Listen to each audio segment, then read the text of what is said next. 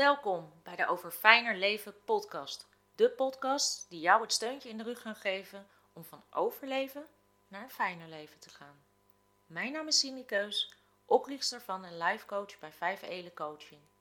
Super tof dat je luistert en deze moedige stap hebt genomen om inspiratie te zoeken om het in jouw leven anders te gaan doen.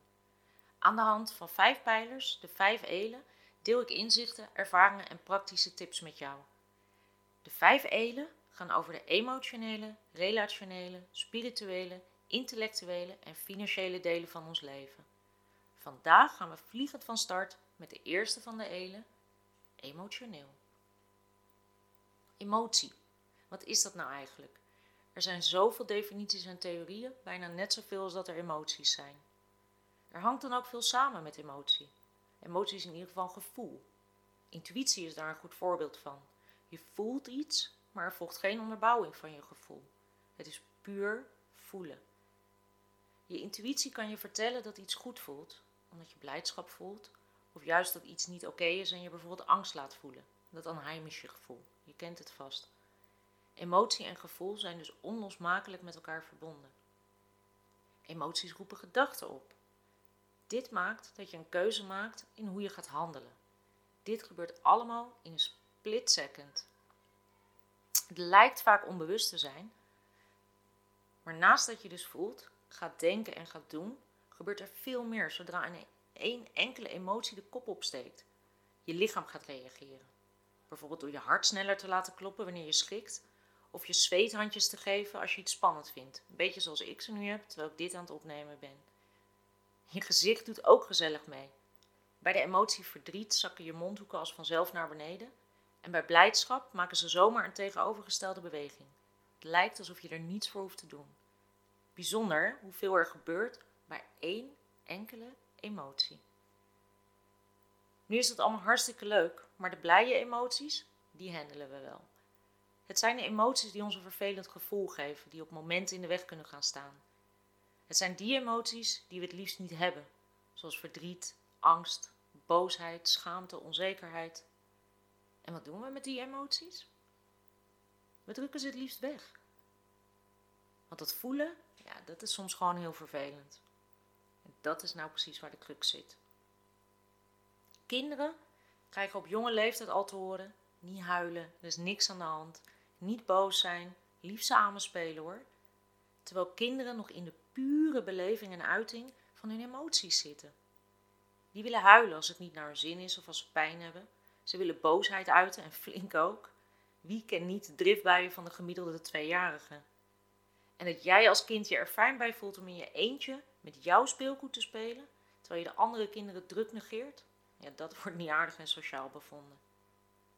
Terwijl het kind vervult echter simpelweg één behoefte, zijn eigen behoefte. Hij beleeft volop zijn eigen emotie en handelt ernaar. Wij leren ze thuis, op school en in de samenleving dat je je gevoelens, je emotie, niet altijd mag uiten. Of dat het er beter nog soms helemaal niet eens mag zijn. Het is niet gepast, je moet je groot houden en zo. Jammer hè, maar dit is wel wat vaak de norm is. Niet zo gek dus dat jij, nou, je, pak een beetje 30 jaar later, moeite hebt met voelen, met je emoties. Je hebt namelijk vele, vele jaren je emoties weggeduwd, genegeerd en verwaarloosd. Emotie laat zich echter maar beperkt wegstoppen. Het slaat zich op. In je lijf tot het verwaarloosde emotiereservoir, zoals ik het noem, vol is. Dan loopt alle emotie eruit en zitten we voordat we het weten de hele dag te huilen en ligt een burn-out om de hoek of klopt al op de deur. Vervelend genoeg weten we dan niet hoe we met die stortvloed aan emoties om moeten gaan. Je voelt je misschien wel overvallen. Want ja, je had je emoties hiervoor namelijk keurig onder controle. Gelukkig kun jij ervoor zorgen dat jouw verwaarloosde emotiereservoir gecontroleerd leegloopt en vervolgens niet meer zo volgevuld gaat worden. Dit allemaal begint bij het erkennen van je emoties. Jouw gevoel, jouw emotie mag er zijn. Denk nog even aan die kinderen. Die laten het ook gewoon zien. Sterker nog, jouw emotie, jouw gevoel moet er zijn. Het dient voor jouw bescherming. Emoties beschermen ons. Ze laten ons onszelf zijn, waarschuwen ons als iets gevaarlijk of eng is. Wat jij doet met je emotie, dat is aan jou. Gek genoeg heb je meer controle over je emoties als je ze er laat zijn, dan dat je ze wegstopt. Stop je ze weg, nemen ze uiteindelijk gewoon de controle over. Weet je nog wat ik zei over hoe snel een emotie een gedachte oproept en vervolgens een actie? Wij gaan dat proces eens fors vertragen. Stel je voor, beeld het je echt even in. Doe je ogen dicht als het kan, niet als je aan het rijden bent, lekker open laten. Maar beeld het je in. Je staat in de rij voor de kassa. En er stapt zo iemand voor jou in de rij, zonder vragen, niks. Schuift zijn karretje ervoor en gaat gewoon staan. Ongegeneerd. Dit zal een emotie bij je oproepen. Ongeloof, verontwaardiging, angst misschien. Ja, weet je, durf je er wel wat van te zeggen? Woede, ja, je laat je toch niet zomaar negeren en opzij schuiven. Een heel scala aan meerdere emoties kan zich direct aan jou opdringen als dit zich voordoet. Nu nemen we even een time-out. Ben je er nog in je gedachten? We gaan in slow motion, een beetje zoals de Matrix. Het feit is dat er iemand voor jou stapt. Op anderhalve meter, dat dan in ieder geval nog wel. Er wordt voorgedrongen. Je voelt wat het ook is dat je voelt. En hier stoppen we even. Nu nog even niet denken, niet handelen. Die andere snelle processtappen die normaliter snel volgen.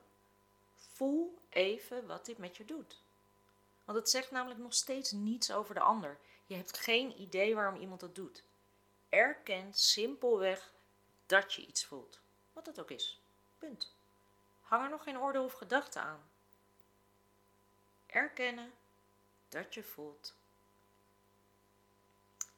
Pas dan ga je emotie herkennen. Wat is het dan wat ik voel? En wat zegt dit mij? Ben je even heel bewust van wat je voelt? Zeg in jezelf, nou ja, dit maakt me pissig, of ik voel me vernederd. Het gevoel, jouw emotie, zegt jou iets. Dit gaat nog steeds niet over de ander. Jij wilt gezien worden, gerespecteerd, normen en waarden die je hebt. Dit doe je niet, etc. Er kan echt van alles door je heen schieten. Je hebt net erkend dat je voelt en nu herken je wat je voelt. Allemaal leuk en aardig, we zitten nog steeds in onze slow motion. Maar nu, hm, wat ga je doen? Verken je gedachten. Wat popt er allemaal op? Er zijn zoveel mogelijkheden. Je kunt er wat van zeggen. Je kan die persoon boze oog geven en verder niks. En misschien je winkelwagentje even tegen de enkels duwen. Of je doet niets, maar je voelt je wel boos en inwendig vervloek je deze voordringer. Dat gevoel is iets wat je vaak de hele dag vasthoudt. Of bedenk je dat het wel fijn is dat je even wat langer stil mag staan. Die voordringer heeft jou zomaar twee minuten extra tijd gegeven die jij mag doorbrengen met simpelweg voor je uitstaren. Hoe chill is dat? Of denk je, ach misschien heeft die persoon haast, het is prima en schenk je nog een glimlach ook. Wat denk je? Want wat je denkt gaat bepalen wat je doet. Want stel je even voor bij al deze gedachten die ik net heb opgenoemd, wat de actie zal zijn die daarbij bij hoort. Het gaat iets met jouw dag doen. Dus verken de vele mogelijkheden die je hebt. Er zijn er altijd meer dan jij je kunt bedenken. Maar doordat je het proces al hebt vertraagd, je hebt even stilgestaan bij het feit dat je iets voelt, vervolgens bewust waargenomen wat het dan is wat je voelt, dat jouw denken altijd heeft gehad om meerdere opties te verkennen. Jouw emotie is door de vertraging al iets in heftigheid afgenomen, want je hebt het aandacht gegeven, het bestaan ervan erkend. Emoties houden daar wel van, net als wij mensen trouwens. Dus in plaats van je vervelende emoties te onderdrukken, laat ze toe. Omarm ze. Erken ze. Herken ze. Wat willen ze jou zeggen voor jouw bescherming? En verken je mogelijkheden. Dan ga je pas tot actie over. Het kan helpen om wanneer je hiermee aan de slag wilt gaan, je emoties eens een aantal dagen op te schrijven. Niet allemaal, het zijn er veel te veel. Pak er een paar, net voordat je gaat slapen bijvoorbeeld. Wat heb je gevoeld deze dag? Schrijf eens tenminste drie gevoelde emoties op. Schrijf ook op wat je daarbij dacht en hoe je hebt gehandeld. En nu je er in alle rust op terug kunt kijken, of in ieder geval ben je uit dat moment waarop je die emotie voelde, vraag je eens af: zou je hetzelfde denken en doen, of waren er andere mogelijkheden? Schrijf die ook op.